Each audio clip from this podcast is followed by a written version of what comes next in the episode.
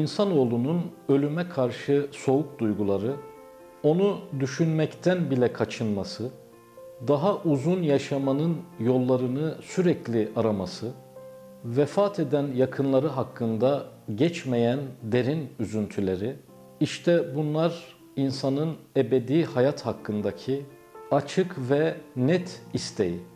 Daha da ötesi duası demektir. İnsan ölümü, yokluğu, bitimliliği kabullenememiş. Bu durumu içine sindirememiş bir varlıktır. Yavrusunu kaybeden bir anne, iliklerine kadar hissettiği ve bir türlü geçmeyen, azalmayan, hafiflemeyen bu iç yanmasıyla nasıl yaşar? Bu zavallı insan çaresiz kalbinin bu duygularla sarmaşık gibi sarılmasına acaba ne zamana kadar tahammül edebilir? Evladını yitiren bir anne bu hayatın bitimini ahiret değil de yokluk diye düşündüğümüzde nasıl arızalar çıkacağını hayal edelim. Evladını yitiren bir anne çocuğunun yoklukta hissiz ve boşlukta ruhsuz olabileceğini nasıl kabullenebilir? Onu artık tamamen yok nasıl farz edebilir? Bu durum karşısında hangi yalancı avuntuya tutunabilir? Evladı böyle yok olacaktıysa peki neden var oldu? Ona bu büyük acıyı yaşatmak için mi? Bu vakitten sonra evladın annenin yaşamına eklediği tek ve daimi şey artık acıdır. Anne ile evladını yan yana, kan kana, iç içe yaratıp onları birbirlerine aşk derecesinde sevdirip onlardan birinin diğerinin elinden alınması sonrasındaki bitimsiz acı karşısında kurulacak tek bir cümle olabilir. Keşke yaşam olmasaydı. Keşke insan var kılınmasaydı.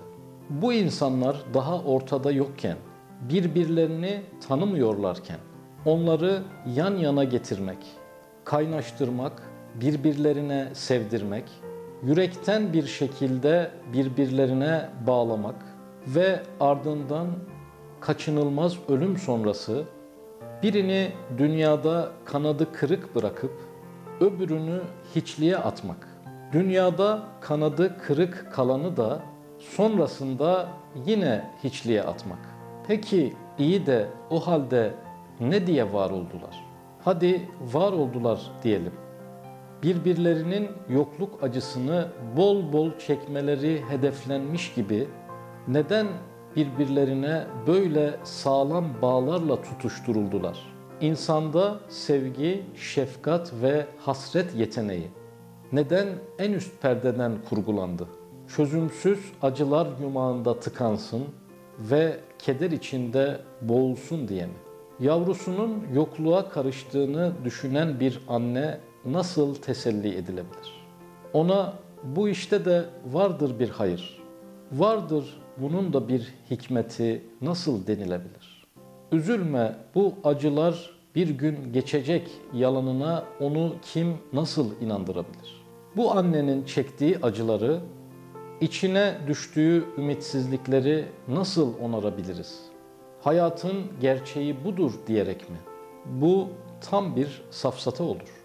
Bu anne hayatının geri kalanını üzüntü krizlerine girmeden nasıl devam ettirebilir?